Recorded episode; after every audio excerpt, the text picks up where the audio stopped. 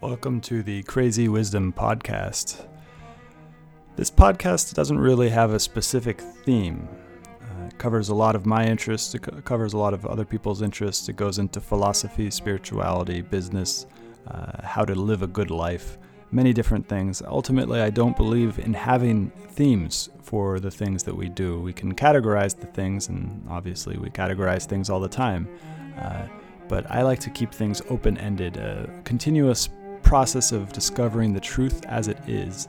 Uh, and the truth is tricky because we can't really get to the truth uh, exactly because the truth is nonlinear. It is, in the words of John Vervaeke, combinatorially explosive. Uh, even the truth of this window that I'm looking at, the window itself, the glass that makes up the window is combinatorially explosive. The cup that holds your water is combinatorially explosive. You cannot model that cup totally in your head. You're only getting an image of it in with your eyes and your brain. That's not the actual cup itself. Uh, so this this show is a discovery of truth wherever it may appear by talking to people from various different fields. I've talked to artists, engineers, entrepreneurs, investors, uh, refugees. I've, I've just talking to anybody who has a glimpse into the truth. Uh, and through this conversation, through this mutual inquiry into what is true, what is real, hopefully we get to something that is helpful for to you. Now, we are in a time of crisis right now, uh, but it is in those times of crisis that we find our strength. And so, this show hopefully will help you to find the strength that is resting, that is deep inside of you, that is part of your birthright as a human being, uh, and find that strength so that you can get through these difficult times. Also, I want to let you know that I'm offering breathwork sessions uh, every day. I've got seven sessions a day. Uh, and really excited to bring this to people. People have been really enjoying it, and it has brought strength to people and courage. And, and that's my that's my goal is to help you find the courage to uh, not only survive but to thrive in the next couple years, maybe because this virus is not going away. Um, it, it, usually viruses come in waves. Uh, so this is the first wave. It will go away, and then it might come back. I'm not saying that I know for sure it will come back, but we are in this for the long haul. So this is a uh, marathon, not a sprint, uh, and I want to do everything I can to help you not only survive but to thrive. Uh, so. If you are interested in that, please find me on Twitter at Stewart Alsop III. My DMs are open. I'd love to hear about what you think about this show. Uh, also, it'd be very, very kind of you to both subscribe to the show on Spotify, Stitcher, uh, iTunes, many of the major pot plat- platforms. And if you're really feeling generous, go ahead and give a review on iTunes. So join me for the breath work. Just send me a message on Twitter at Stewart Alsop III with your email, and I'll add you to the email list where I'm sending out emails for the schedule. Uh, hopefully, see you there. Have a great day. Welcome to the Crazy Wisdom Podcast. My guest today is Warren Goll. Uh, and I had a session with Warren a few days ago. And after the session, I asked him what he does. Um, and he uh, he he's part of a tribe. What, what, what part of the tribe are you?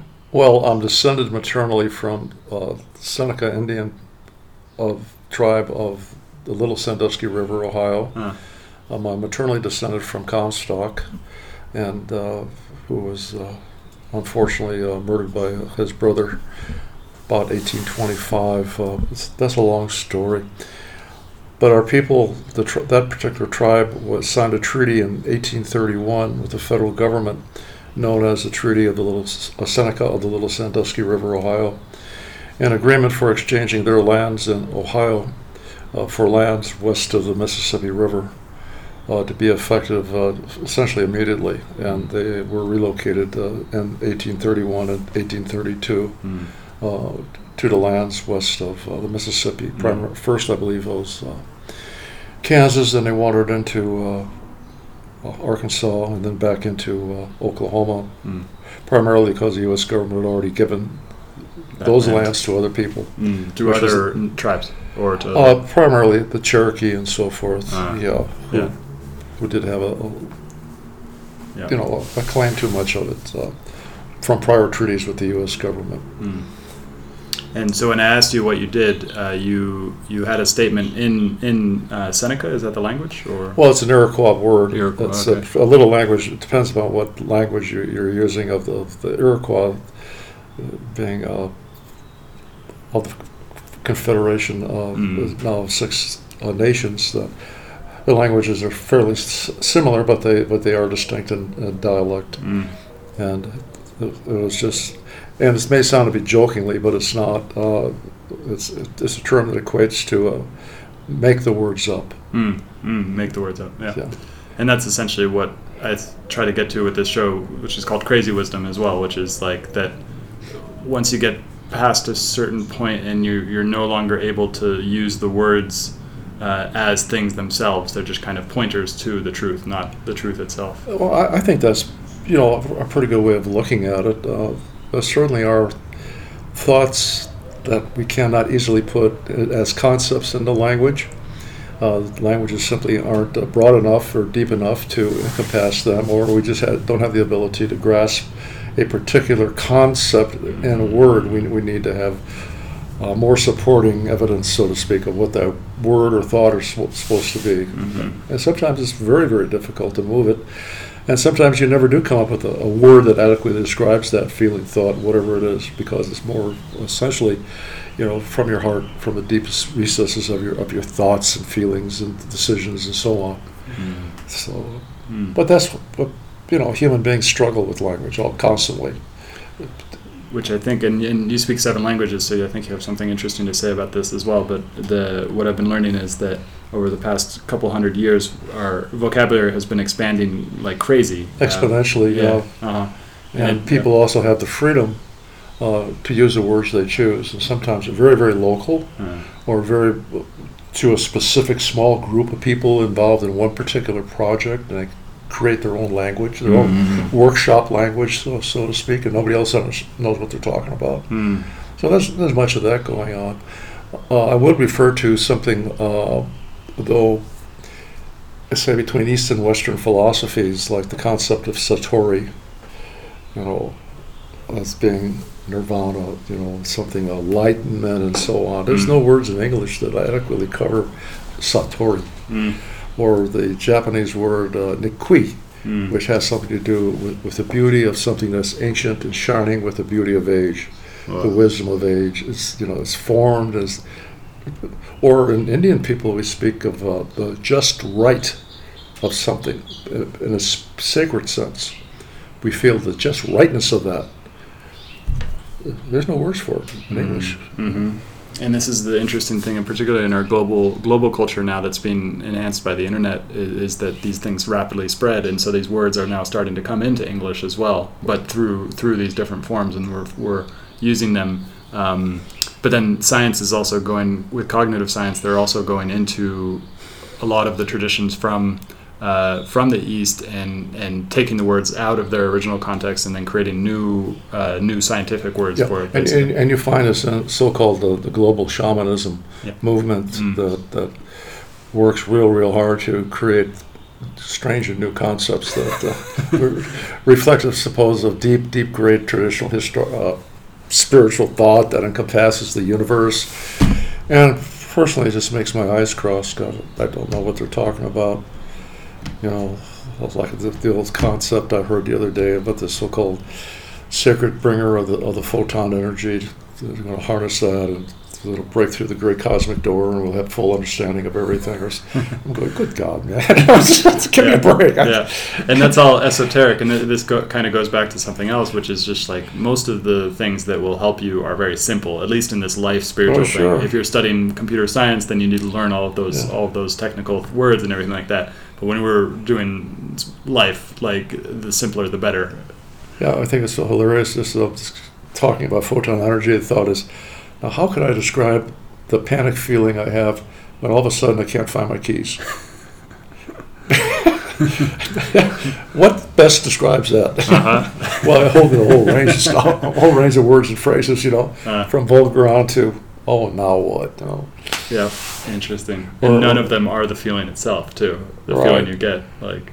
or as you get old, you develop a, con- a concept of life you never had before. Like, you know, getting sick and this happens and that happens and so forth. As you get old, you say, well, it's just one damn thing following another. Mm. And then you can make an acronym out of it, you know. Mm. But, but, I mean, that never existed before, but now it's important. One damn thing after another. How are you feeling? Well, mm. just great considering, you know. But this is the strangest thing about life for me, at least. And maybe it's in my age right now, where I'm, you know, I'm not, I'm not old yet, but I'm getting older, and things are one thing after another is starting to happen. And like when you're young, everything is just not easy, but it's it's you feel like it's going to last like that forever, uh, and and then it doesn't, and things start to happen, uh, and and life becomes really challenging, and, and illness and death and all these different things come up, uh, and particularly now it seems like we're entering a global kind of collective move towards more uncertainty and more more challenge. Um, what do you think about that in terms of your perspective, having more years on you? Or? Let me be facetious. Uh, incredibly challenging world. It's impossible to just adequately describe almost all of any of the phenomena that are occurring at such a rapid rate. You know, so when you speak of an expanding universe, we're in one right now. We're going for a hell of a ride. Mm. Uh, some years ago, I read a bit of poetry by a fellow who uh, who had suffered some severe physical losses and whatever, and he kind of pulled himself together, you know, after just, just battling all kinds of different challenges of life and so forth to get some kind of normalcy in his life. And he kind of tried to sum it up by saying, well, you know, you go through this long struggle of life and so forth, you overcome this, you overcome that, and you're so tired, but you keep going on and on and on. And he said, he's, he said, I kind of feel that it's like, try to imagine the strength of the running horse when all of its riders have fallen off. Mm-hmm. And then equipped to that is, okay, fine, now I got a speeding horse, what do I do? And, you know, that's, that's not meant to be facetious or critical or anything. That's just like we, we solve one issue only to uncover another that's just speeding on faster than the last one. And, and how do we harness that? Then all of a sudden, do we harness it? What do we do? Mm. We just let it go and try to find the best we can to help others. You know, if, you know, when we talk, the strength you have when you try to be a person that helps others in the best good way possible and not take any anything forward because that's what you're supposed to do. Mm to keep peace in this world, you know, to help help each other, help all of the world, all the beings, all the creation. And the rest of it, we just don't have any any say so, mm. and that's okay. Yeah, and that yeah, and that's the thing that I've been learning only maybe in the last few days, and, and after our session, and and after I did this plant medicine a week ago, it's just like this whole that I'm, I'm there's this part where I'm trying to control things, and I'm trying to control my experience, um, and because I think I know how it's going to work out the best. And then I took this plant medicine and realized that that is just like totally getting in the way of my life. Is this this attempt to control everything and control all the details? And um, it can be a good skill to have in certain situations, but it's like.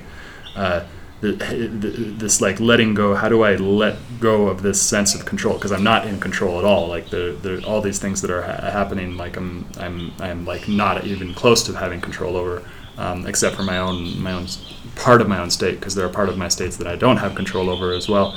How do uh, and and it's but then this a part of me wants to keep on that control and that part goes really deep. Um, and and so like there's this tension of how to let go of this sense of control but at the same time I want to keep it. part of me wants to keep it and that part is in control. well, I, you know, I think you, are part of the biggest club in the world. Just how do we do that, and do we do that? And sometimes I think, well, well let's let's just back off, and, and you know, for me, I can only speak for myself and my own personal struggle, and uh, I say, well, you know, do I do the manly thing, so to speak, and walk out there and just just take control away? And then I think, well, who gives me the right to do that? Is it I, I don't own control. Besides, like I say, the horse. I mean, what am I going to do when I got control? I mean, is it something I got in my hand? From now on, this is a tool that I use to run my own personal cosmos. It doesn't make sense. Besides, it's incredibly tiring. there must be something more in life besides trying to take control Mm. Of things that I have no control over, and I, what gave me ownership in the first place of the process, Mm. you know. So I, I kind of look at it as walking on quicksand. Mm. You get all p- pumped up and say, "Hey, I can, I can do that. I can walk on quicksand." I mean, after all, what it is, it's just sand and water, you know. I mean, I got two strong feet. I can go from here to there and get across that quicksand, and everything's working okay for the first and second step or so. And then all of a sudden, I'm in trouble, Mm. and I never do get to the other side. I'm stuck in the quicksand. Mhm. Now, do I walk backwards? How do I breathe? I mean, all kinds of things come because it wasn't my universe to begin with. Mm. But my ego said I can do it. Yeah. So that's one way of looking at it. Uh-huh. I mean, from experience, that's kind of where I got. Is hey, step back before I take that step over. You know, Mm, yeah, that's a really good point. just, it's just you know, and, and you know, ask for help too. I said internal help. I said, you know, you're so many years old. You've done all these things, you failure and success and so on. What have you learned? Uh. And I say, okay, self. What have I learned? Quick, I need help. Don't take that step. Don't Take that step. yeah, yeah. That's one. That's that. That's a big thing I learned over the past five or six years is that actions have consequences, uh, and that there are some things you can't take back. Um, and that's there's like this fairy tale kind of thing that that I think we teach children a lot is that you can do whatever you want. You'll you'll you figure can it out in the in the end. Um, but there are consequences to, to actions. Yeah. yeah. I can't remember the so-called fam- famous newspaper man was asked his advice about what to do back in the 1900s in the, the boom part of the country, you know. And he said, "Go west, young man. Why? All you got to do is turn west, and things are going to be great, just Great, great yeah. after that." You know. Yeah. Oh, interesting. Which goes into this this theory that I've like these overarching theories that are, are very esoteric that I find really interesting, which uh, kind of give a global explanation. Is that you have the rise of civilization happening in like China, India, Greece, all around the same time. Uh, and then it moves west, so it goes from China to India, and then India to the Middle East, and the Middle East to Europe, and then within the United, it goes to the United States, and then within the United States, it goes from the east to the west, and everything like that. Um, but now it's like the end of that cycle where there's nowhere else to go, and it's almost flipping back to China now. Because but but but China isn't in a position to uh, be a global leader. I don't think either. Like I don't think any country on earth is is uh, will will fall into the same trajectory that we've had over the last 50 years of where there's one kind of global leader.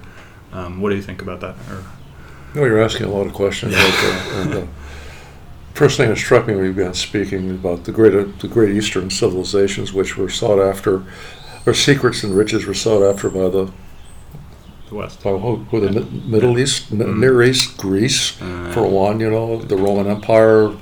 You know, people say, where does spaghetti come from? Well, spaghetti is Chinese. Marco Polo brought noodles back, so to speak. I mean, that's just sounds simplistic, but there was a, the Silk Road was created. You know, the huge thousands of miles of access into the deep, deep deepness of China, mm, and, and they just tapped a little bit of China, brought that Mhm. back, and all of a sudden, hey, we got tea, we got paper, we got all these things in the world. Egyptian gave us paper, but China gave us paper and gunpowder and all kinds of things as well, mm. and medicines and, and concepts. You know, the Mhm. concept of of uh, Buddhism and different uh, whatever.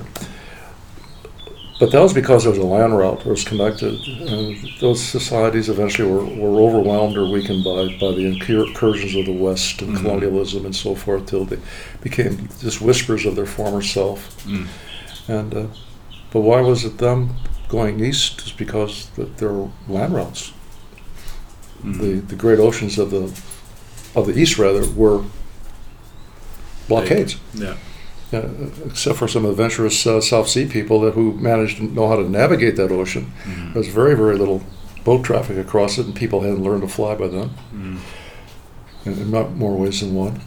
Uh, so th- it's, it's hard to say. We're seeing, are we seeing rebirths of ancient civilizations? It's unlikely we are. Mm.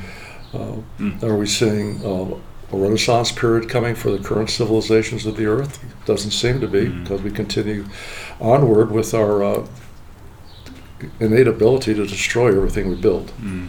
and we've done that. I mean, there just hasn't been a, a- a s- extended period in the history of the earth that I think any of us are aware of, you know, and anthologists would talk about that and say, hey, man has always destroyed what he built. Mm. And for what good reason, we don't know. Mm. It's like we're some enormous uh, virus that keeps consuming everything, consuming our own, uh, self-limiting ourselves, so to speak. We build, we eat ourselves, mm. rebuild somehow, and eat it again, and it keeps going on cyclically. Mm. Is that a reason to be pessimistic uh, about the future of mankind? I really don't think it is. But on the other hand, what control do we have based on our past performance to say that we can do any better mm. in the future? Mm. All we can do is work with the present and do the best we can. Mm. Hopefully, honestly, taking care of one another and just saying if something happens to mutate the, the, the weird structure that drives us to destruction. I don't know if I spoke too much. I'm sorry. No, no, no, no that's great. Uh, so I'm I'm reading this book called The Master and His Emissary, and it's a neuroscientist who goes into the uh, left brain right brain differences, uh, and he uh, he talks and so a lot a lot of people will tell you that those differences have been debunked that they're that they're left brain and right brain there's not too much difference or or you know it doesn't that the popular conception of that doesn't uh, isn't scientifically accurate. And he says, yes, that's true, but there is more nuance to it, and that there is a huge difference between the left and the right side of the brain. Um, and the, one of the biggest things I learned from this book is that the right brain sees the holistic picture. You know, you, anything that I'm seeing right now is being fed from my right brain to my left brain. The left brain sees it and sees it as a, as a separate thing and, and allows it to, to you know create concepts and language and all, all that stuff comes with the left brain. Uh, but the right brain is setting up the whole stage, um, and that's where the holistic understanding is it. And so then from the right brain, it goes to the left brain, and then we build the categories and systems and everything like that. But then it needs to go back into the right brain in order to build a holistic picture again. And what he argues in this book is that society, global society at, the, at this point, is now stuck in the left brain, basically. And that right brain, that's where we get all these experiences of like oneness, unity, helping people, and all, all that stuff is like the altruistic world. All, yeah, and it's like the whole thing where you can't separate thing, things out. And that and and one woman had who was, who was studying this these differences as well ended up having a stroke, and that stroke took out her left side left hemisphere, uh, and so she started experiencing oneness and unity uh, in a way that was actually difficult for her because she didn't have that left side to actually like put it into perspective and everything like that. And so it's very interesting because in this book, The Master and Emissary, he says that um, that's the way out is to is, and I guess he doesn't talk about it, but and, he might haven't finished yet, uh, but he talks about you know maybe it's enlightenment uh, or waking up or awakening, spiritual awakening that is that right right sided, but connected to left side as well, and maybe that's maybe that's it for humanity. What what humanity needs to have step into is that um, yeah I, I respect the, his thinking patterns and so forth and what he's looking at and what he's offering I also think he's looking at it from a purely Western perspective uh, and primarily, and it's only natural that the folks he's talking about are per, per, primarily Western civilized people. Mm. Uh, I, I, don't think you'll find the same uh, dichotomy between right and left uh, existing uh, in theory with, say, Asiatic people who are quite ancient. Mm. And I certainly don't see it in some of the, the more uh, traditional peoples of the world, uh, oldest peoples of the world, such as you find in South Africa. Uh, actually, South Africa is kind of a misnomer in the sense that it was relatively uninhabited mm. when the colonial powers walked in, and the tribes uh, had come recently down into mm. South Africa looking for game and so forth, whatever. But the, the people I had experience with, let's say the Zulu people, when I'm, during my time in South Africa, they seemed to be more integrated. Uh, no left or right, but just the, cool. the power of their ceremonies just was, oh, you know. hmm. But I have to, to say this, and you're speaking of left and right, Bernard. What about the captain of the ship, the reptilian core? yeah, yeah. He talks I mean, about it. Yeah, yeah, yeah. I mean, yeah. Everything sounds good until you get to that and said, what is the overriding power yeah. in, in, the human species uh, in terms of uh, cerebral direction and so on? That core, as we know, is, is, a source of incredible.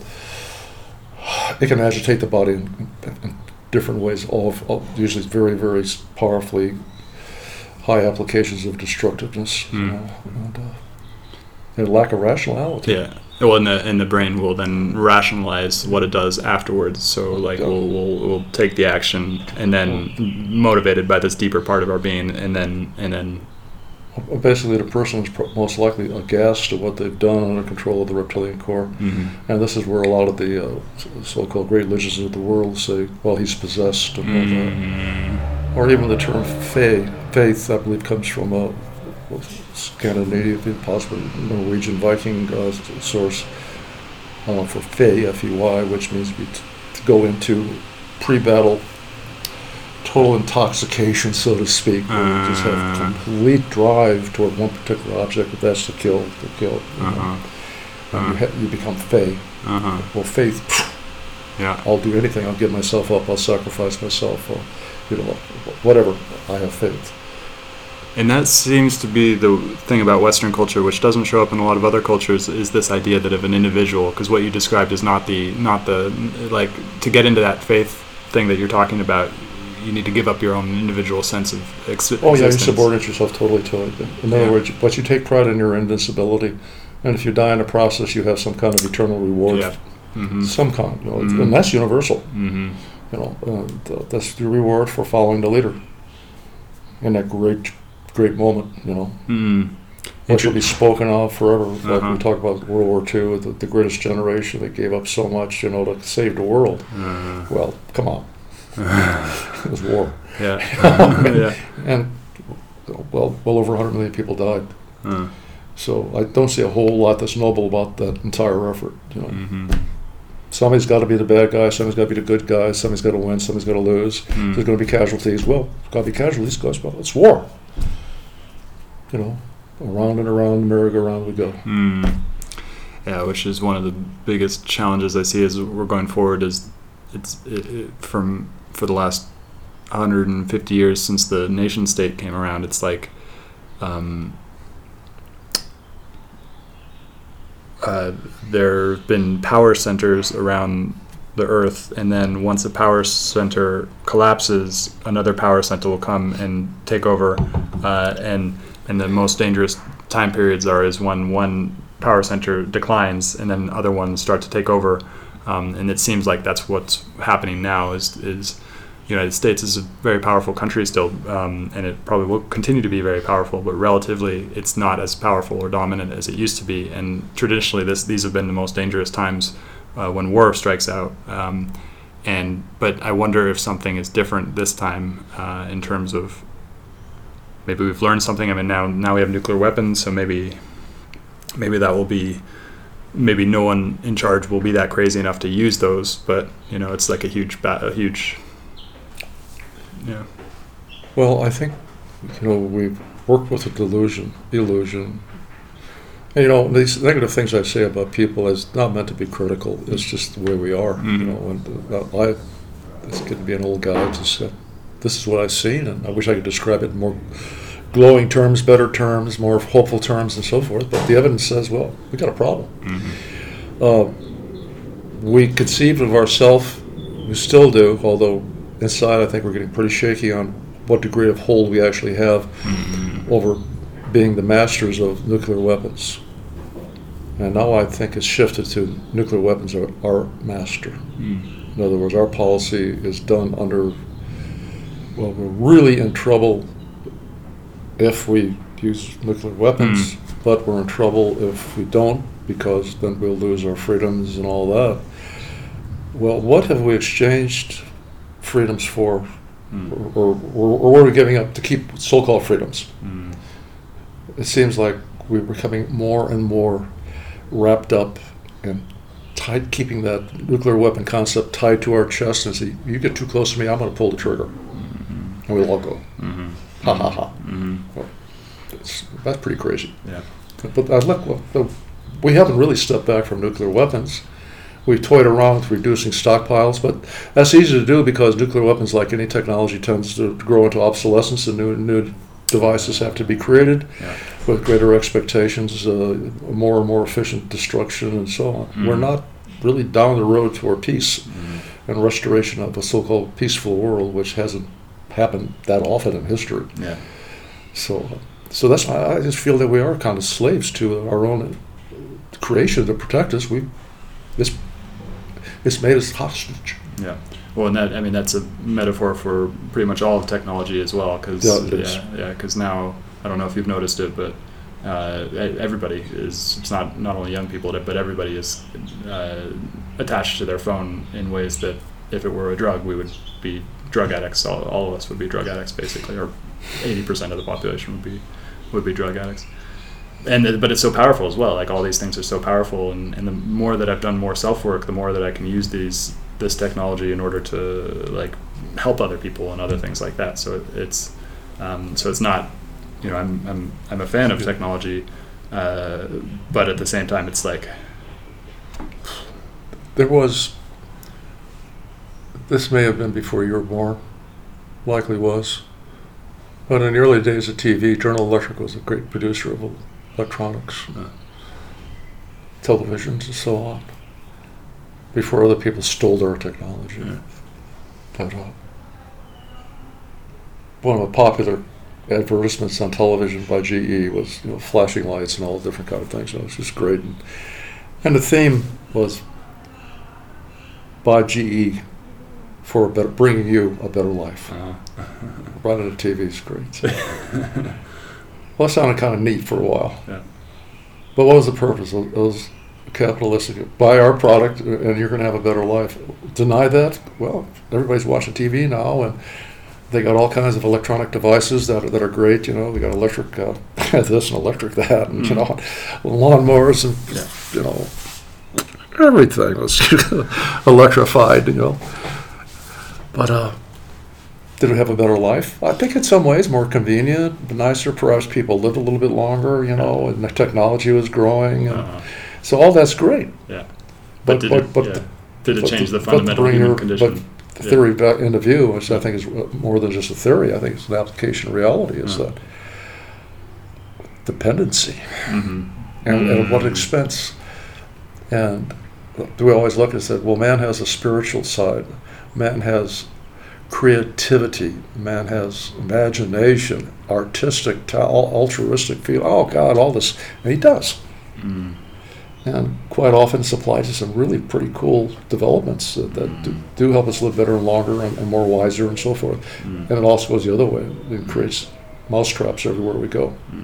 And this goes back to what you were talking about. Every religion has this idea of eternal, uh, eternal life or eternal glory after you're dead, uh, particularly if you do the right things. Except for, I think Buddha came around. There might have been other ones, but Buddha came around and said, "Well, all of that's immaterial because we don't know what's happened after this life. All we have is the present moment." Um, and so, Mm-hmm. uh, basically said that this is this is it. This is all we know. Everything else is just conjecture um, about the future and everything like that. I forget my original point, but but uh, oh, no, but you got it, it's a good point. yeah, Uh, however, that said, well, we don't know, and so forth and so on. Maybe that's a very honest appraisal. uh, So something that may be entirely true, you know, I don't know. But has it kept us from more? Has it kept us from self destruction? Mm. So, irrespective of a salvation oriented religion gives you eternal reward, and you can say sorry at the last minute and mm, get forgiven and all this and that, uh, the end goal or end, end result seems to be the same. We continue to destroy ourselves. mm. And uh, I don't Mm. So other than that, how how's the, or how are things going? In this best of all possible worlds, Yeah. quote Don Quixote. Don Quixote. Well, that's the yeah, that's the thing I've been thinking about recently. Is just like the whole, the rest of the world is coming to a particularly this virus now that's out. It's just like it's it's it's everybody's freaking out. Uh, but I I've in my own personal life have never felt uh, better. Like I, there's a lot of fear coming up for me. But the, this this could because the more that we connect with this this moment, no matter what is going on in this kind of matrix of of of, of thoughts and ideas and, and, and connected internet and stuff like that, the the more we connect with that inner inner self or inner awareness, the, like the better life becomes because we recognize that life is a gift and it's and it's and it's uh, and it's always it's there. It's not always there, but it's it's as long as we're conscious, it's there, um, and it's always you can always come back to it, and um, and so yeah, for me personally, I'm, i feel great. I feel better than I've ever felt in my life. Um, but at the same time, it looks like the globe uh, is going into a, a, a, lot of difficulty. Yeah. So, what is our reward for living in this uh, mixed master? And uh, there's a couple of things that I, have I've come to dearly love, and I, I can't help but smile. In fact, when I get in real deep trouble somewhere, some thoughts are just banging on me, saying, "Man, this is really stupid. Man, what do we do now?" It just seems like invariably I'll be at the supermarket or something, and there'll be somebody in front of me, and I've got a, a little two-year-old kid sitting in their shopping cart, you know, just, you know, and I look at the kid, and the kid will look at me and kind of smile and giggle, and I say, that's wisdom. yeah, yeah, yeah, yeah. That's the story. That's the real thing. That's what I want to be like when I grow up. yeah, yeah, and that's and or a little puppy comes running up to you and sniffing, and you look down, and you pick up this ball of pure love, you know, and said, God, I wish yeah. it is real. Look at this. You know? yeah and that's something I got from the session that we worked together. Is is just like the, there's the there's the uh, child has got pure wisdom, but then as through a process of maturation, also develops the mind, and then the mind uh, comes in and, and starts to create thoughts and fantasies and imaginations and connects them to the feelings. And I've been thinking about this recently the last two days that I have these feelings. I don't have to pay attention to the thoughts about the feelings.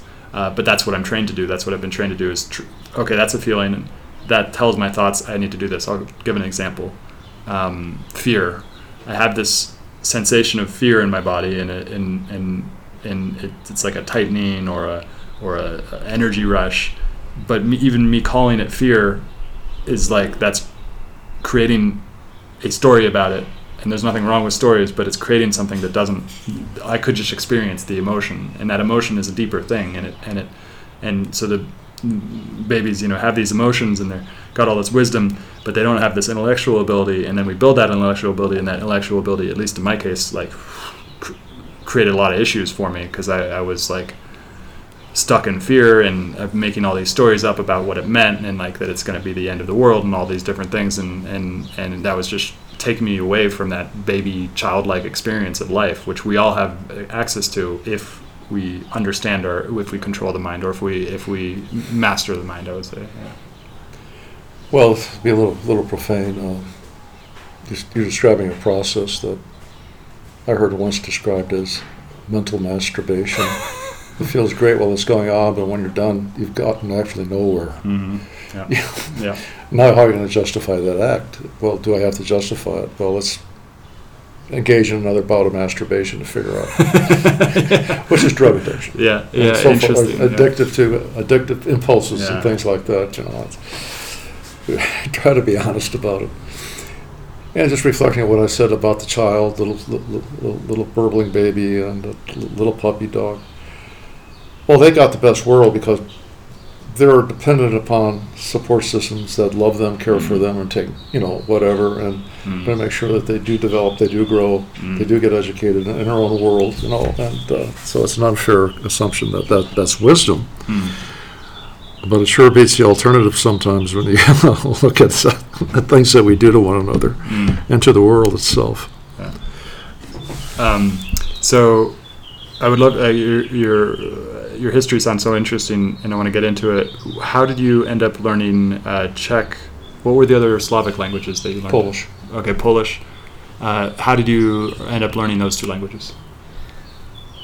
Well, they're part of a uh, career progression. Uh, I was in the U.S. Army that I joined in 1959, and uh, I had an aptitude for languages. There was a I can't remember the name of the test that was given in the old days to see if you did have an aptitude. You could ELAT, mm. I believe that's what it was, ALAT or ELAT, and uh, you could. Uh, it was based on what then was known as the Universal or United Nations languages. So they, onset of onset of the United Nations, where it's been a think tank that figured out that uh, mm-hmm. if people learned a, a, polyglot of all languages and put them together, that everybody all over the world could speak the same mm trade language, so mm to speak, and really communicate better. And avoid war that way. You know. Hmm. Uh, basically, uh, uh, my first tour was in Japan.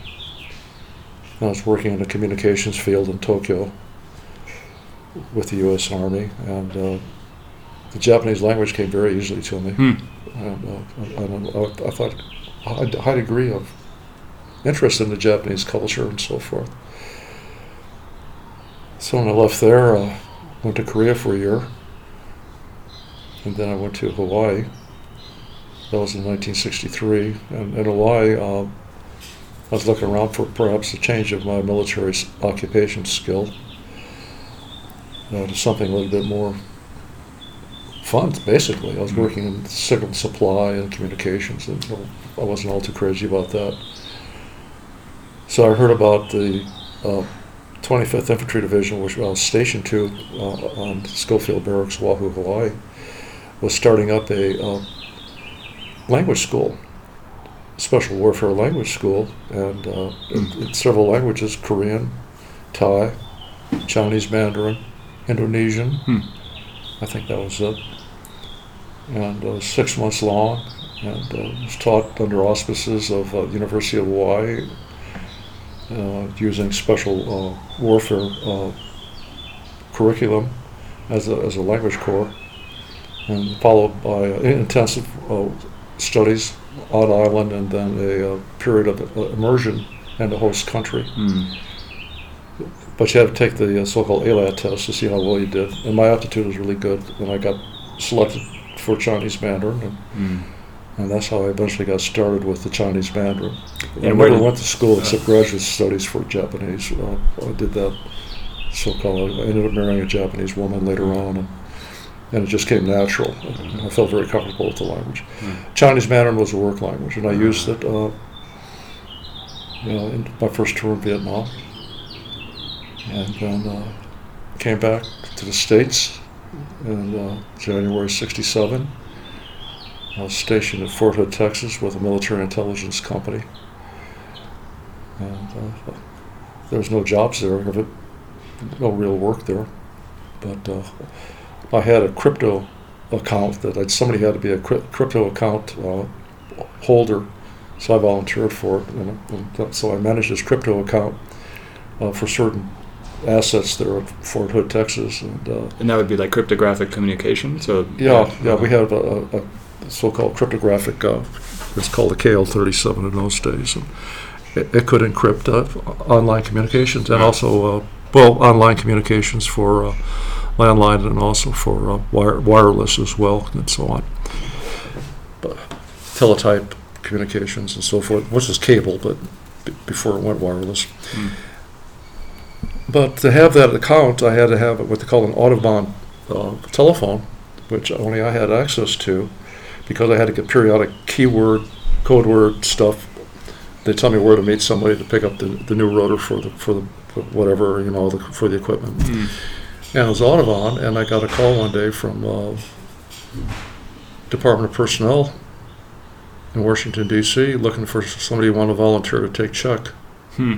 they're calling around different MI units and see if they got somebody they want to kick loose. You know, go take Czech. So I took Czech for a year at uh, Arlington, uh, a, uh, a contract school for Defense Language Institute, East Coast branch, and I spent a year in intensive studies, and then I went to uh, to a utility tour in Europe.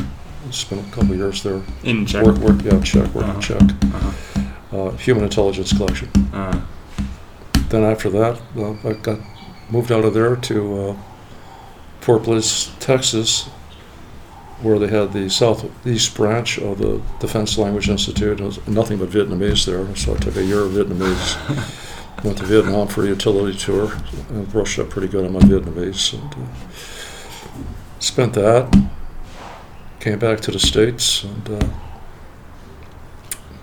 ended up at Fort Meade, Maryland another MI company, and while I was there, I applied for a year off from the Army so I could go to graduate school at Georgetown University for East Asian Studies. And when I went there, I studied graduate level Japanese studies, and uh, also I worked uh, Russian, Japanese, uh, Chinese uh, political interaction in the last couple hundred years since modernization, let's put it that way. Uh, we're beginning of modernization.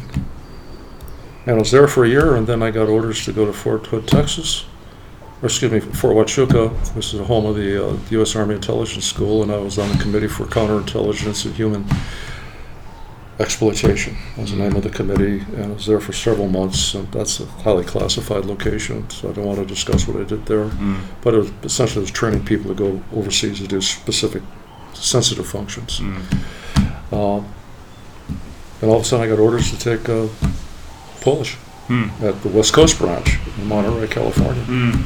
So I went off to another language and then ended up back in Munich, just a couple feet from where I was years before, in Czech. And I had a, by then I was a warrant officer, an interrogation technician, and I had my own section for uh, Polish language uh, exploitation. Mm. of Sources coming across from you know, Poland to, you know, they essentially they're, they're defectors that, Mhm. that come across on tour- tourist visas or whatnot. And, you know, they decided that, that they weren't going to stay or they weren't going to go back. And so that's where the Polish came in. Mm. So, Can you talk about the defector stuff, or, or is that? well, I, I never met a, a defector who was a good communist. Let me put it that way. You know, most of them, in fact, darn near all of them, were pretty well established people who wanted a divorce and get away from the family, tired of work, in trouble with their supervisor. Maybe they had been involved in a little bit of fraud, the heat's on them, and they figured, well, I'll head west and I'll, I'll just trade my information to, to the west. Mm. And we kind of advertised that, you know, you know, Western collection uh, agencies. If you're having trouble at home, come on, come see us. We'll help you out. How did they advertise that in the communist bloc? Phone book, Uh huh. you know. Uh, know, if you look it up, the Bundesnachrichtendienst, the German intelligence agency's got a phone number. uh, You know, I mean, there's all kinds of access ways to. Legal travelers they come across. Sometimes they'll just write it as you hit the border. uh-huh. Uh, they'll just say, "I want to defect. I want asylum." Uh, A seal is what they call it. We did in Polish. And they'll be sent to a uh, a location where they're classified by knowledgeability and so forth. And if they're outright crazy people, you know, they, they send them back, you know, whatever. But if they seem to have some usable intelligence, then they'll be brought into the exploitation system, which uh, would composed of you know, Germans and other other allies that we have, you know, and so forth. German intelligence, we would have a lot of quid pro quo activity, or did in those days. That's over 40 years ago. What I'm talking about. And in a rather well-managed way, uh, conduct uh, uh, exploitation interviews and so forth, and package the stuff up into intelligence reports, intelligence information reports, and ship it off to the analyzing agencies and so on. Pretty much because we had a lot of consumers for our product. mm, And, uh, and then they're evaluated and whatever, the, you know, once we collected the information, and off the report went, and that was it. We didn't So have you no didn't connection. you didn't have the decision to trust or to figure out whether to trust the information or not. You just typed up the information and then sent it on. We had uh, desk personnel that, that had skills in looking at different properties. We, we, we didn't collect anything that we weren't given a direction to. In other words, identified a source, the source was given a, a, a, a debriefing of limits of knowledge and so forth, and attitude and cooperation and blah, blah, blah. Then that was sent off to an agency that evaluated it and then matched that person up with existing special collection requirements and on and on and on, that type of thing. It's just, it's all basic mechanics, you know, it's Mhm. just basic organization. I come in, you come in here, you're asking me a set of questions, you know I've got some knowledge. Mm. I, I tell you what I can or can't or know of or try to BS you, you know, in a glowing way. And uh, that, that's all it is. It's nothing, Uh, nothing dramatic, super. yeah. and No, no spy stuff involved in it. It's just collection. Yeah. Uh-huh. You know, in other words, giving a, well, I'm going to give you a travel log. And we did those things. I mean, people used to just give nothing but travel reports. Or said, well, somebody in the Defense Intelligence Agency wants to know about how's rationing going on, you know, and, on a particular product. And said, well, you know, they, they've changed the ration cards in Poland. Now here's what they look like. And then let's get a picture of it, you know, that. Uh, massive amounts of information. Well, and this is so interesting for today because today those same incentives for each country exists for collecting information on what's going on in other countries. But now it's just like the amount of data that's available to those to those countries is like huge, and you don't. I mean, you just need to. I mean, for any country outside of China, you just need to look on Facebook basically, or or kind of, um, and then and then China building the infrastructure for the next, you know, internet, uh, mobile internet is like they're going to build. Well, a lot of things used to be considered uh, not necessarily classified information, but nice to know stuff. You know, Uh-huh, yeah. you don't have to go talk to human beings anymore. Mm, yeah. You got all Mhm. this is available. Yeah. All incredible. And there's another problem too. It's just proliferation of information. And if you have to go through all that constantly changing flow of information, the huge volumes of it coming in constantly, it's, like quantum physics. You know, it just kind of shifts in its own way. Yeah. You have to have a huge number of people analyzing all that. Well, a lot of that analyzation today is not done human. Yeah, It's, it's done in the cloud. Yeah. You know, and Machine learning. God knows what pops up in the internet. Yeah. I mean, wow. Yeah. Yeah. And apparently, the Chinese are probably the best. The Chinese government is probably the best at collecting huge amounts of data and then getting signal from that data as And, well. and you know, this is something that we thought, and with the factor of how the Chinese culture is, has evolved, that we thought they would never be able to manage large amount of Western uh, Uh, scientific and technological information because they just couldn't transliterate it hmm, into their own into the paleographic yeah. systems and so Mm. forth. Well, Mm. they, they developed their own phonetic systems Hmm. on a worldwide level, and uh, they're quite successful at just taking about anything, and they do it by intelligence, artificial intelligence. Uh-huh, yeah. So I- I'd love to get into this because you've learned you've learned Japanese and you've learned Mandarin, uh, both of which have a different script than. Um, but the Japanese had a phonetic script, right? And so the Chinese never had. Well, they have two. Yeah, well- well, they have their own Yeah. phonetic script now. Yeah, They- but the Chinese have their own phonetic script Yeah, as they, well. they use it. It's Yeah. called telegraphic Chinese. Well, there's telegraphic Chinese Uh-huh. that developed for the telegraph code, and then it evolved into other systems. And then Ah, they have what they call pinyin, yeah. Pinyin, uh, which is a, a abbreviated ideographic form, and Mm. so on and so forth. The Koreans have uh, two forms of written ideographics that are uh, vowel Uh, formed. uh, Japanese have two, hiragana, katakana, which uh, sort of, they simplify the Chinese kanji system. The, kanji is time ago, Japanese for, for Chinese characters. Yeah, and they did that. They built that phonetic system a lot earlier than the than the Chinese. Much did. earlier. Yeah. Uh-huh. For one, they, they realized they would have to begin taking uh, English and other foreign languages and breaking it down into a simplified uh, polysyllabic form. Yeah. You know. And they did. Yeah. Hiragana, katakana are very, very effective. Mm.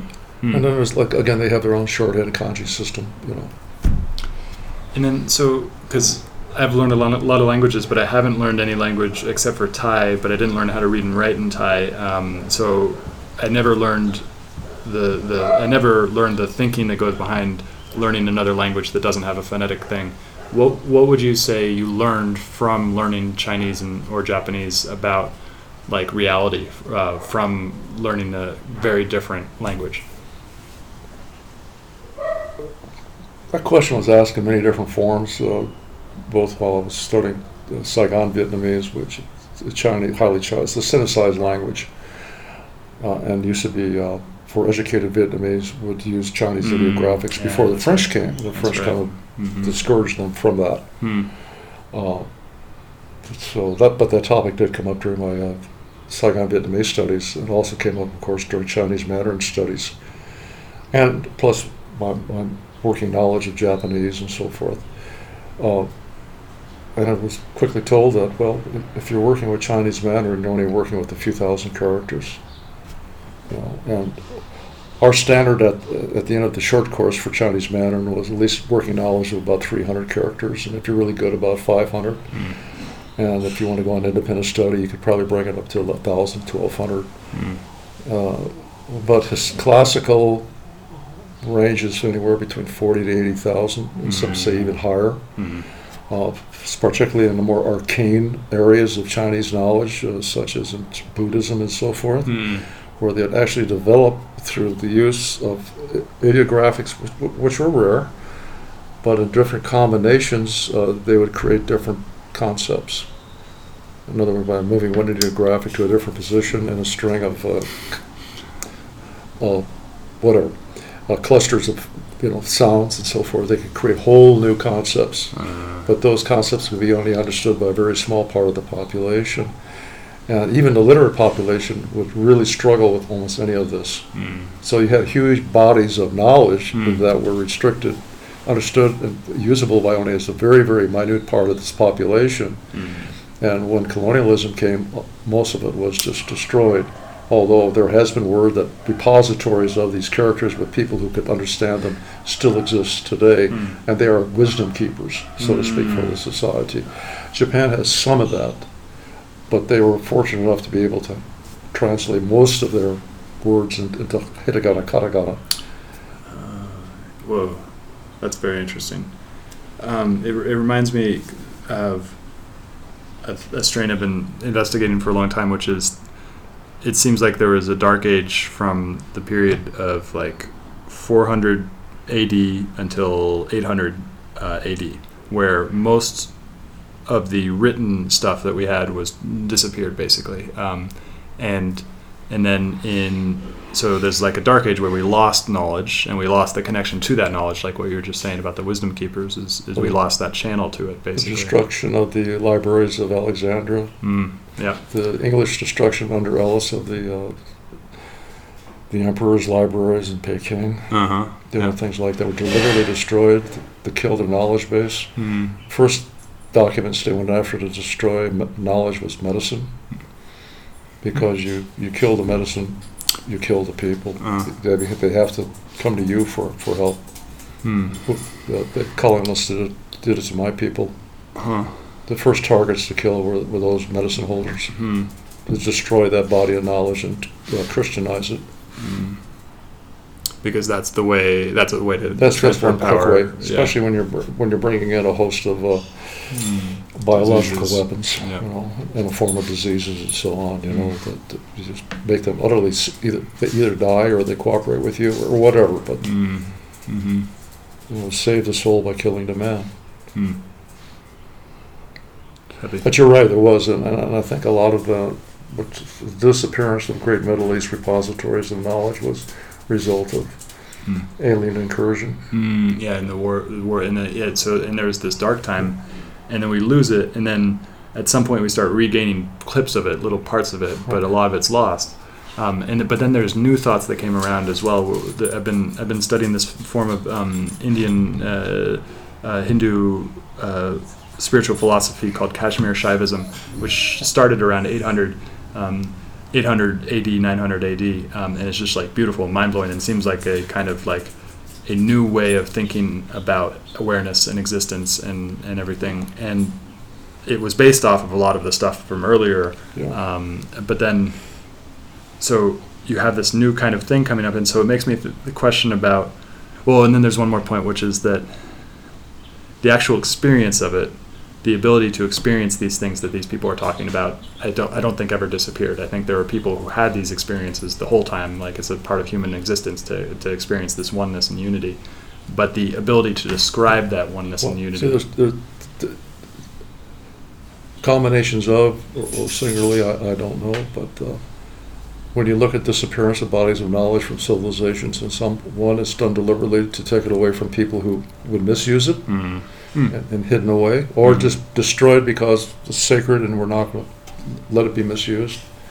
Uh, external forces coming in and taking it away and burning it, so the host country is going to be dependent upon that. Uh, populations themselves that, that feel alienated from those in control and power rise up and destroy that power, and they look at all these so-called Uh-huh. secret things that are being used against them, Mhm. consider them as evil, and, and burn them out. Mm. Uh, many different ways of civilization, and we tend to also think of civilizations as, as great bodies of people and, and territory and so forth. Where many of the civilizations were just kind of like pinpricks of light along a long trail. You know, it's fairly small centers of intense collection of knowledge and power and so forth. Mhm. But in terms of population, very, very you know small. Mm.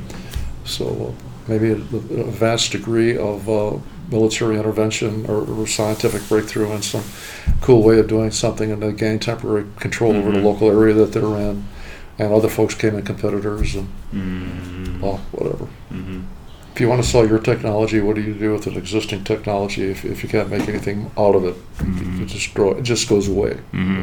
Yeah, because it's got to be useful. But dark ages do come off and on, and disease has a lot to do with that too. Mm-hmm. The Middle Ages, you know, the Black Plagues, and so on, Mm-hmm. And they led to re- Renaissance. Renaissance led to more great breakthroughs and understanding of the universe and Mm-hmm. astronomy, and on and on and on, and you know, and then more war. Mm-hmm. Mm. So I'd like to understand more about how you got into the work that you're doing now, um, and just helping people uh, uh, with this, like the session that we did. When when did you start doing that? I don't know. Hmm. I, I, I don't know. Uh,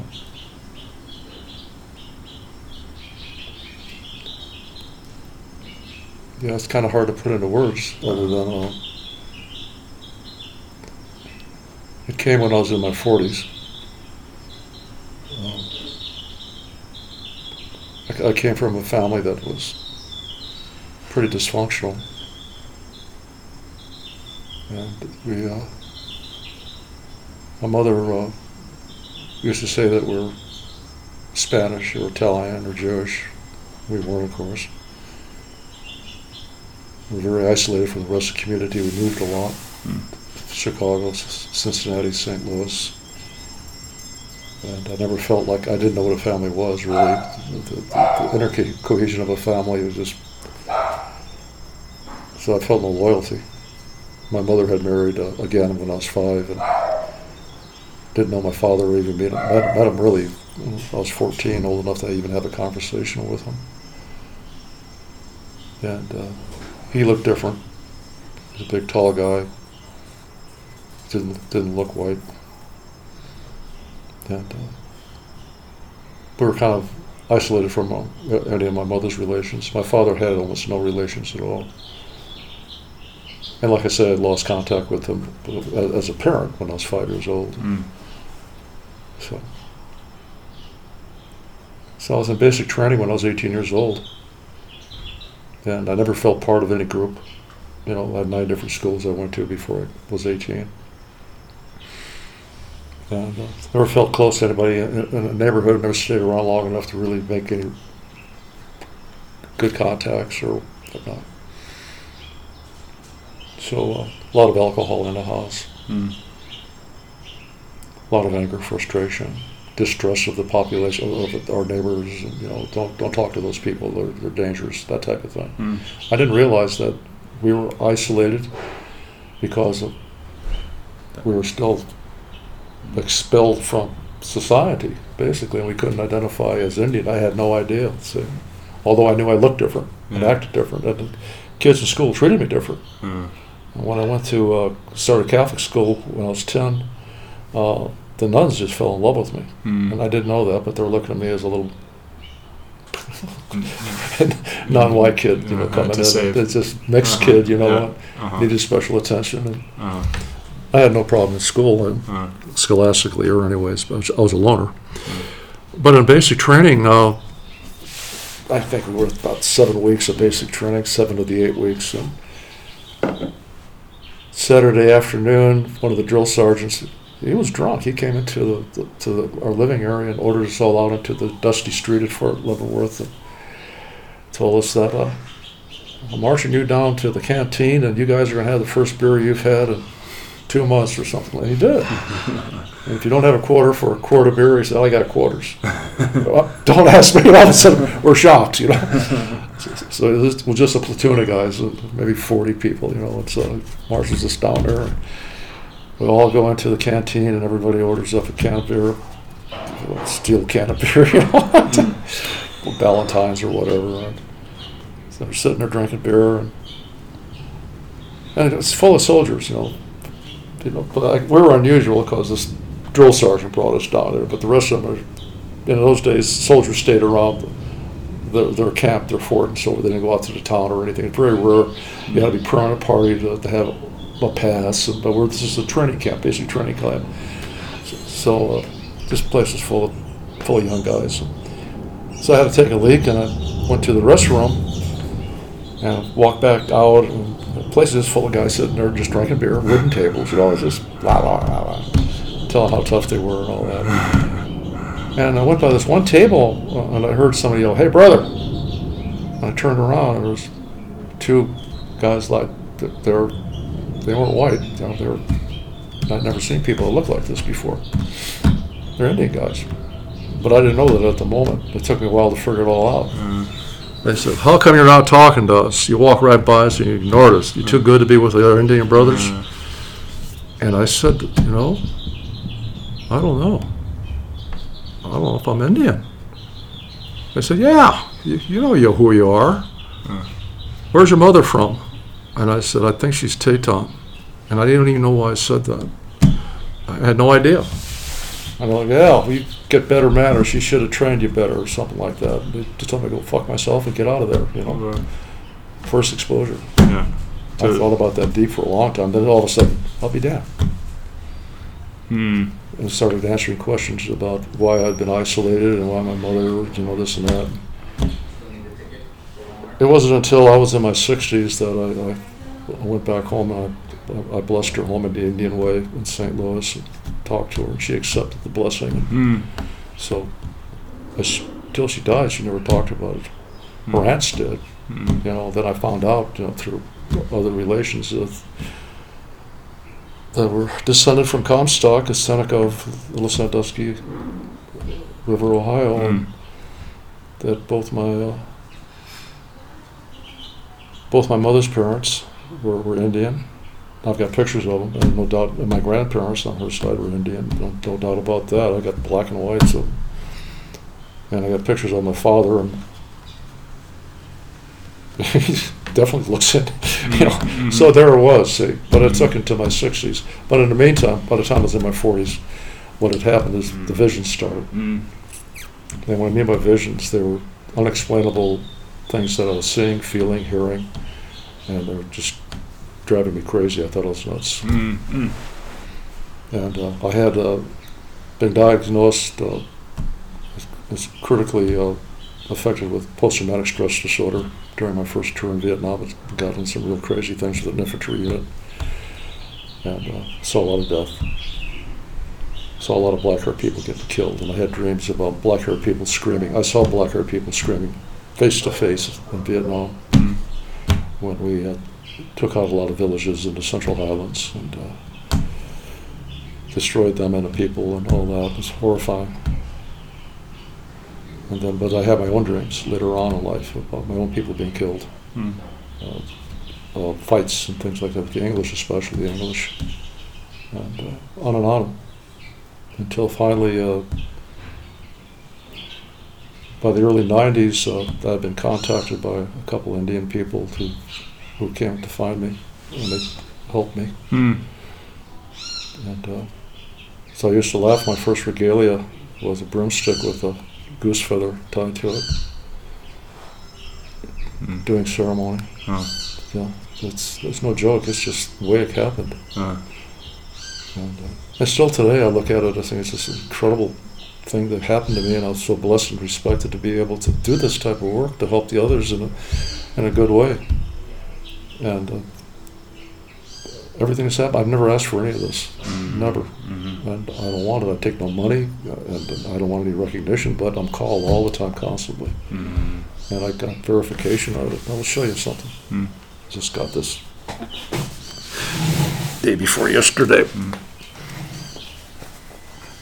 Now I'm recognized as a uh, ceremonial leader by many of the Washington tribes, and I've been been around the country with other ceremonies, include Pipestone.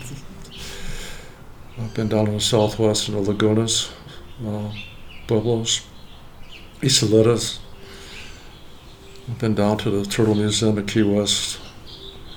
I've been uh, to the Feast of the Pipes at uh, Arlington Cemetery.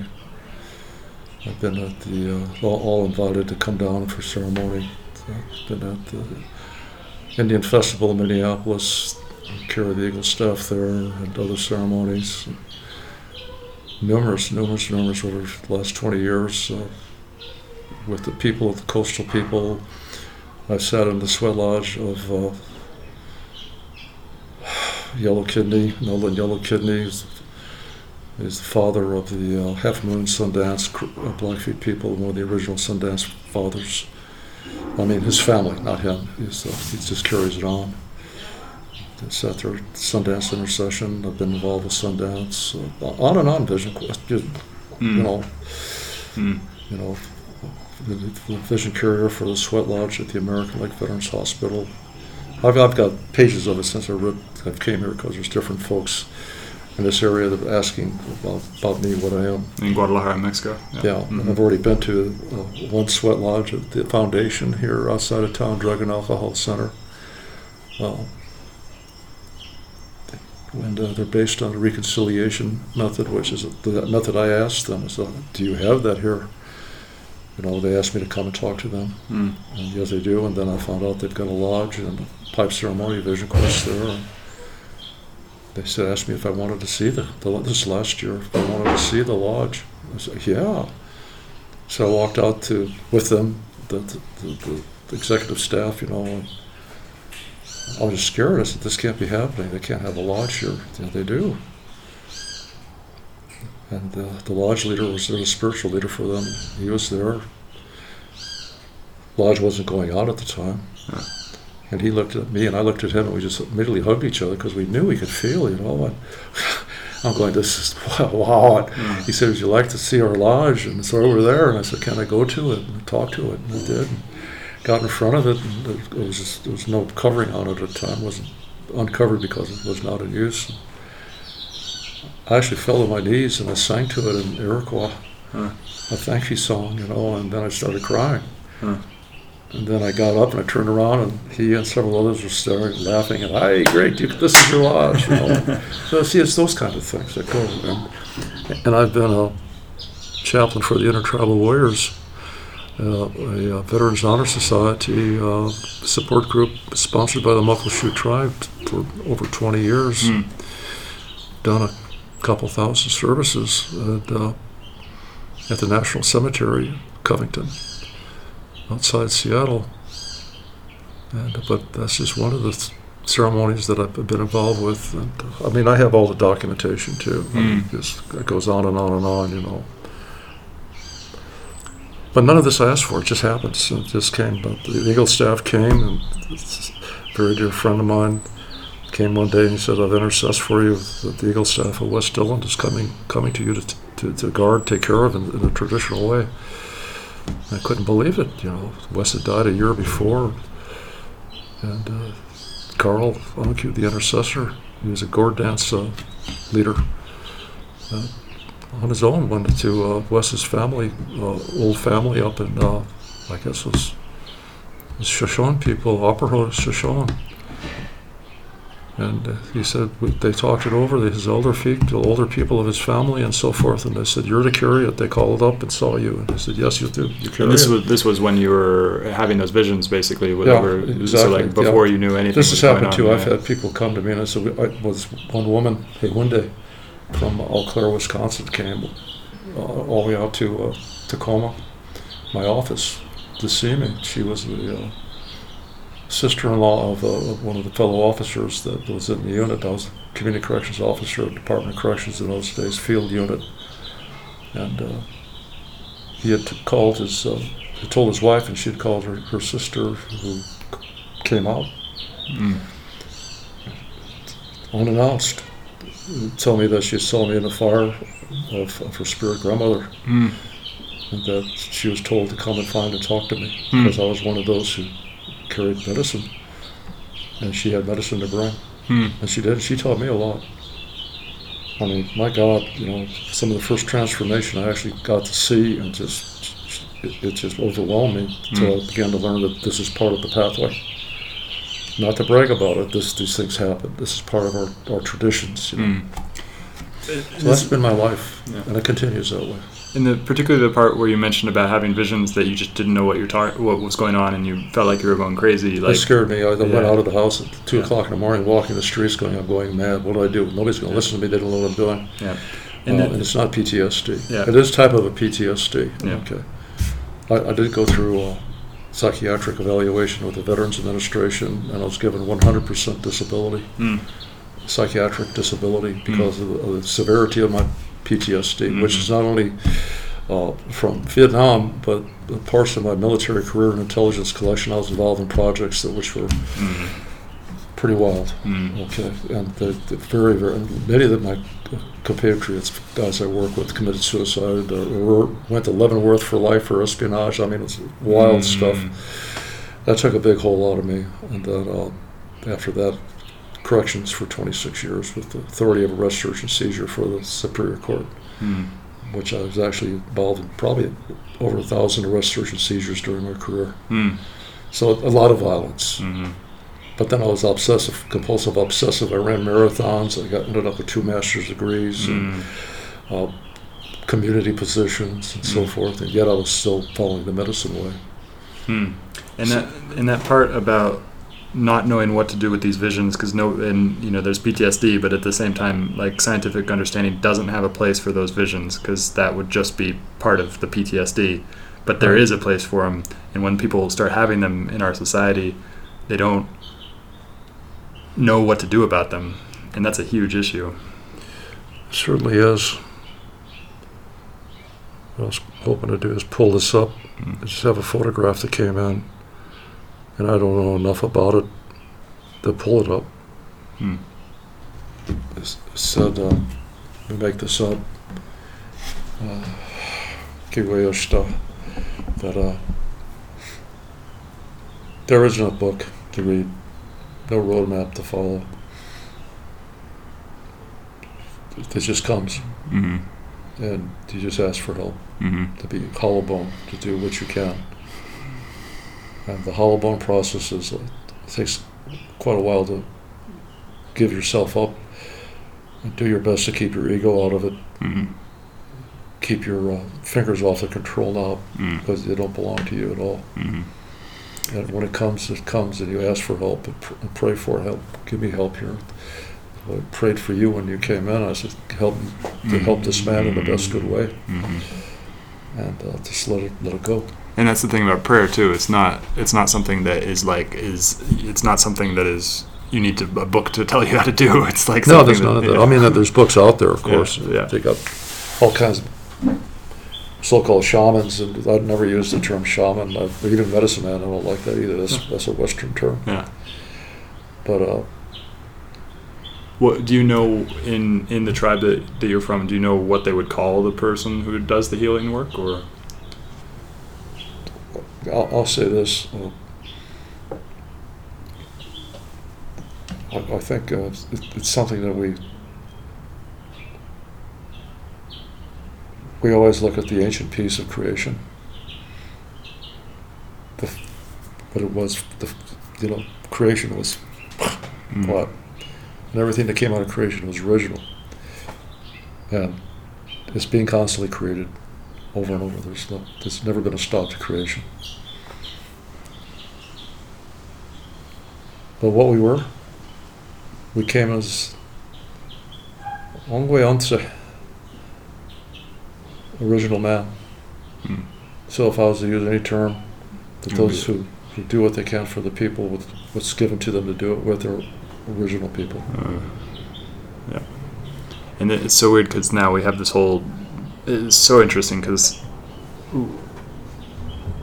And I think it starts around 1600 AD, where Galileo Copernicus start talking about that the rest of the universe doesn't have any uh, re- uh, doesn't have any purpose to it. Uh, like the stars are just moving because they have gravity and all this different stuff, and it's just there's no purpose to it. There's no God, and so then God was basically destroyed in that in that in the preceding or the succeeding moments where essentially that that couldn't explain everything because now now we have gravity to understand it and everything like that. And so then the West kind of lost its faith uh, in in this God Uh, and then science came out, and so they started placing the faith in science. Uh, and then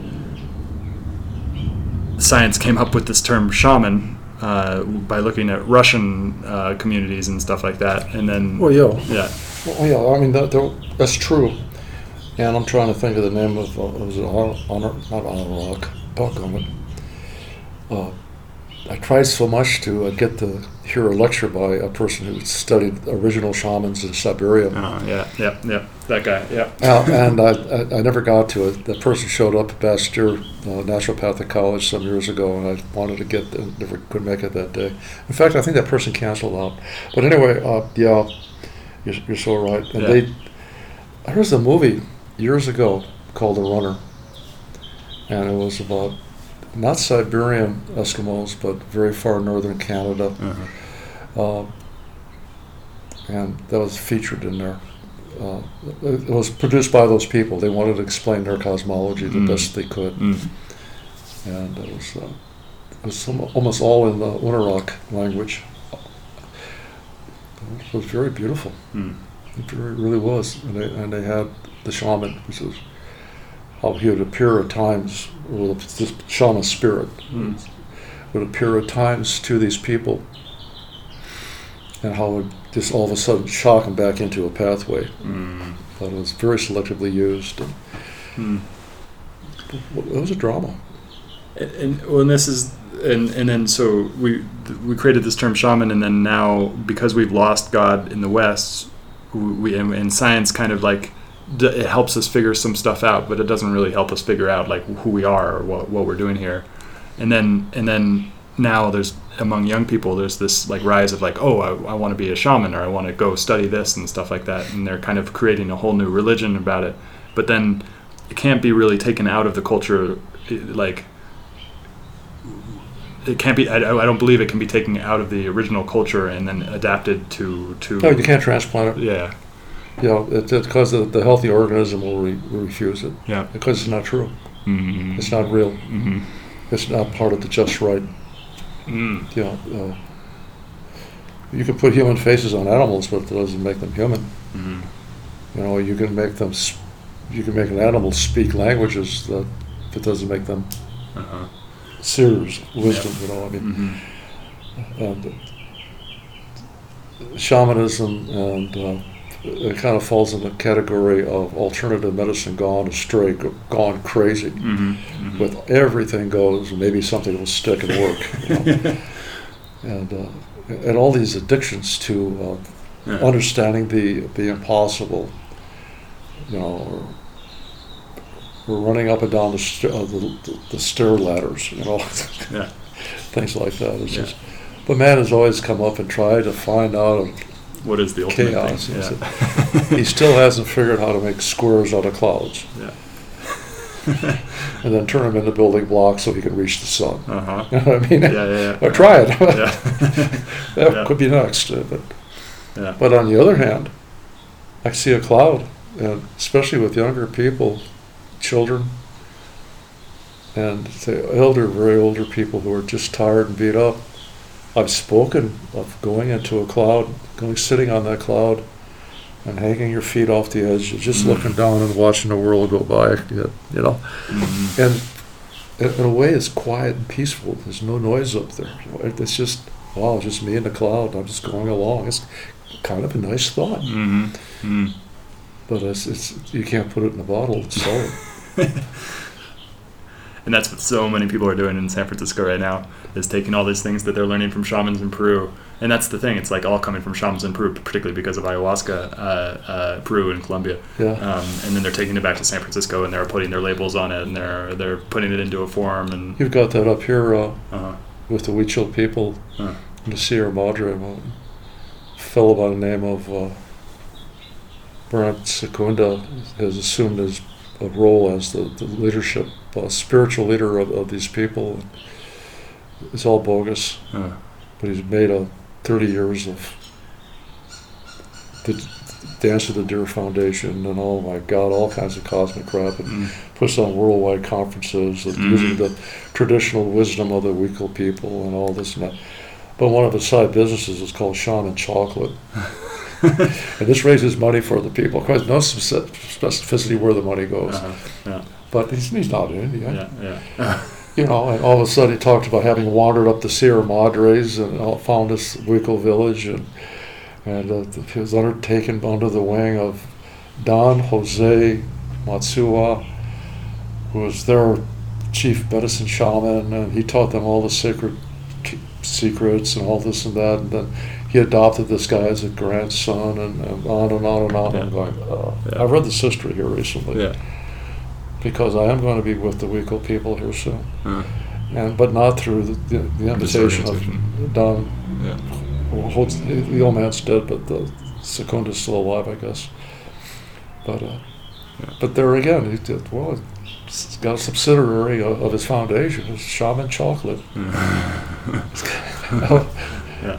you know, Yeah. oh well.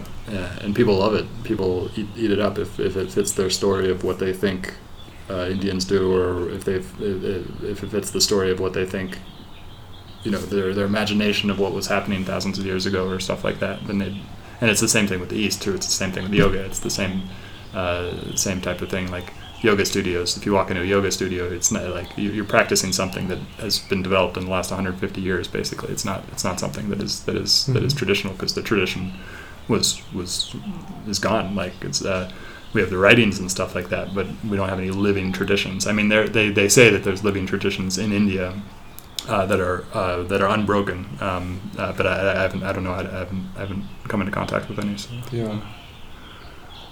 Well, I have a lot of respect for Ayurvedic uh, medicine, Hmm. because it is a scientific form, just like uh, the ancient medicine of the uh,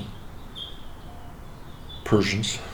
It's still in existence today. mm, It does have basis, you know. Hmm. Ancient allopathic medicine. I mean, allopathic, of course, came out more by congressional edict to, to make medicine safe for Americans. Hmm. You know, they got rid of a couple thousand community colleges teaching uh, Their own eclectic Mm, forms of medicine mhm, and homogenized and so forth into allopathic medicine.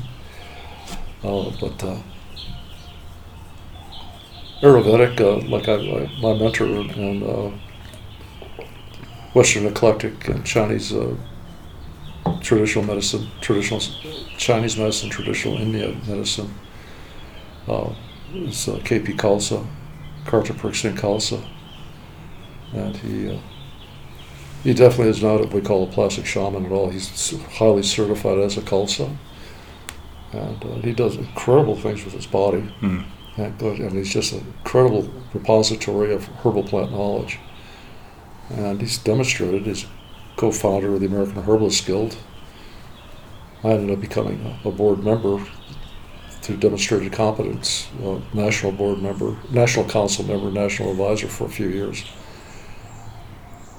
And I've, I've, you know, I've been deep into plant medicine. Mhm. And it goes hand in hand with spiritual healing. mm, But that's only, bec- but, but it's been part of Mother Earth. You know, Mhm. it's, it's medicines that the people have found and come up. It's, and uh, traditionally, we, we do have some so-called what you would call psychedelic or mind-altering substances through almost all indigenous people. mm, mm. But where they, where they evolved chewing on plant, you know, and, uh, and they're- got results. Mm.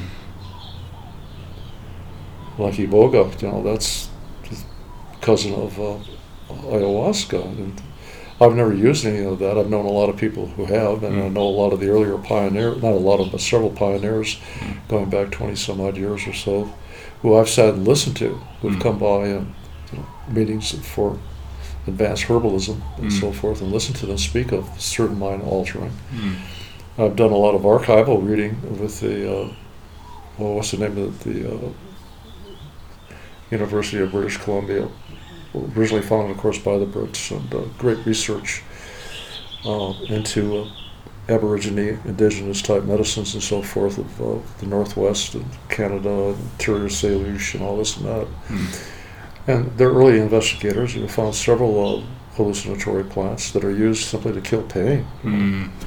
Uh, some of our old uses of tobacco uh, were used to uh, painkillers. You know, older people would actually find an isolated area and, huff strong strains of uh, tobacco Mm. to ease himself and go into a dream world for a while. Through the nose. Uh, there was, I, I never got the uh, scientific term for it, but there was a British Columbia plant that used to be used by Aborigines, well, not Aborigines, but First Nation people uh, to help them walk through fire, Uh, uh, to hold fire. Well, of course, one plant I, I know, Lomatium, the or mallow, the uh, orange mallow. Uh, the oil from that plant can be used to cover the hands, so one can actually reach in and pull out a hot coal. Mm. You know, but that type of thing is there, there's no magic to it. Mm-hmm. These are all traditional ways of living with your universe, your culture, and all civilization comes from culture. Mm. So, Mm. yeah. Mhm. It's- You know, and I know American Indians who, who uh, have gone the ayahuasca way Mm. And gone to way. Uh, Well, such was right here. uh-huh. And I had involvement with a Native American church, which was a peyote church. So I've had experience with peyote, but not, not the powerful peyote. This is peyote tea. Uh-huh. And the, the meetings are long. You know, the, the one I went to when I became a roadman, honor, honorary roadman, I was given the wrapping because of some involvement that I had uh, with the people. So I was honored. And to do that, they honored me through the Native American Church. And, uh, two o'clock in the morning, I've been drinking tea for several hours. And Mm. the one feeling that I had was uh, I just wasn't getting tired. It was eight o'clock in the morning when we walked out of there Mm. and it just felt good, but not high. Mm-hmm. Mm. And uh, we, we drank the tea uh, upon order. You're, you're guided to do that. Uh, and smoke the tobacco, which is big, big, thick wads of tobacco that are wrapped up in uh, corn husk. And there, there's the songs, and beautiful ceremonies. And people really, really talk of, of the heart Huh. you know, the sufferings of the people and so forth, and to thank you for the creation and Mm. guide us and give us help and so on. Very non-confrontational. But in that particular meeting, there, there was ayahuasca people Mm. too. Mm. So, and I've spoken with ayahuasca Indians, and Mm. they definitely have their, their, their powers. But I'm not part of that, Mm-hmm. and. I, and I don't intend to be. Yeah. Although I know locally, up at Tacoma and the Puyallup, there's, there's the ayahuasca lodge, Mm. and I know people that go to it. Mm-hmm. know, and they're they're good people. Mm-hmm. Mm. So never be judgmental about those type of things. Mm-hmm. But turning it into a Yeah, turning it into a like a mm, don't know, turning it into a manufact or a f- fabricated thing, or turning it into. I'm trying to get to the like. There's this word spiritual materialism, and that that seems to be the issue. Is when they take when you take these things and like develop something like that, it can be bought and sold, and, and yeah. but they are. Mm. You know, there's a unscrupulous uh, native people who sell Sweat Lodge and Vision Quest and all kinds of other goofy things uh, that, and we look upon them very angrily. But it's their pathway, and sometimes they're they're supporting families that that would starve or not starve, but be horribly poor without this income. Mm. And the majority of clients are white people seeking, uh, you know, answers to the universe, Mm. Mm. And they feel they get power. I have a very, very close friend of mine uh, who did follow a, a Cherokee tradition of the black bear, and uh, she went the way, and she helps people tremendously with her. Uh, her intuitive mind processes and so forth. She started out with Healing Touch as a cardiac nurse and uh, turned it into a school and left left her training and, and uh, I spent went through three t- three trips to South Africa with her Mm. and she's now a uh, South African Zulu uh, passed all the tests and everything Hmm. Sangoma medicine Oh. and she has a, her center in Tacoma but she Hmm. travels the world Uh-huh. and she is a, a legitimate intuitive person. She's incredible powers. But she also has some schools of, uh, well, like Seekers of the Intuitive Mind, Master of this, and Psychic of that, and so forth. and talks about ley lines and on and on and on. And I, I just glaze over and says, Nancy, I love you. And she calls me grandfather because I, I, I do things that she can't do. Uh, Okay, and- but I don't do them for her audience. yeah. But she has been part of ceremonies with me in South Africa where I became part of the ceremony and was able to do certain things, Well, some callings and so forth. And, um, and I helped clean her bones when she became a bone reader, uh, you know. so, but I said, Nancy, that's just not me. She knows it. yeah. But on the other hand, she gives hope to a lot of people who are, and her healing touch uh, clinics are just beautiful. Good. A lot of people get good relief from healing Mhm, touch. mhm. First time in their life they can actually relax. Yeah. Yeah. That's been really important for And she would, I know she would do wonders for you, yeah. you know, with your hmm that type of thing, Yeah. because that's a chakra, Yeah. Yeah. hmm and she follows the seven chakra. Mm. She balances it. Mm. And I've been with her. I've seen her do things that are just incredibly beautiful. Mm. I've seen her stop pain, chronic pain, just like that by hitting a pain spike. Mm. She sees them, hmm and I've seen her go whack, and all of a sudden the person goes like this, Mm. and she the person doesn't even know she's there.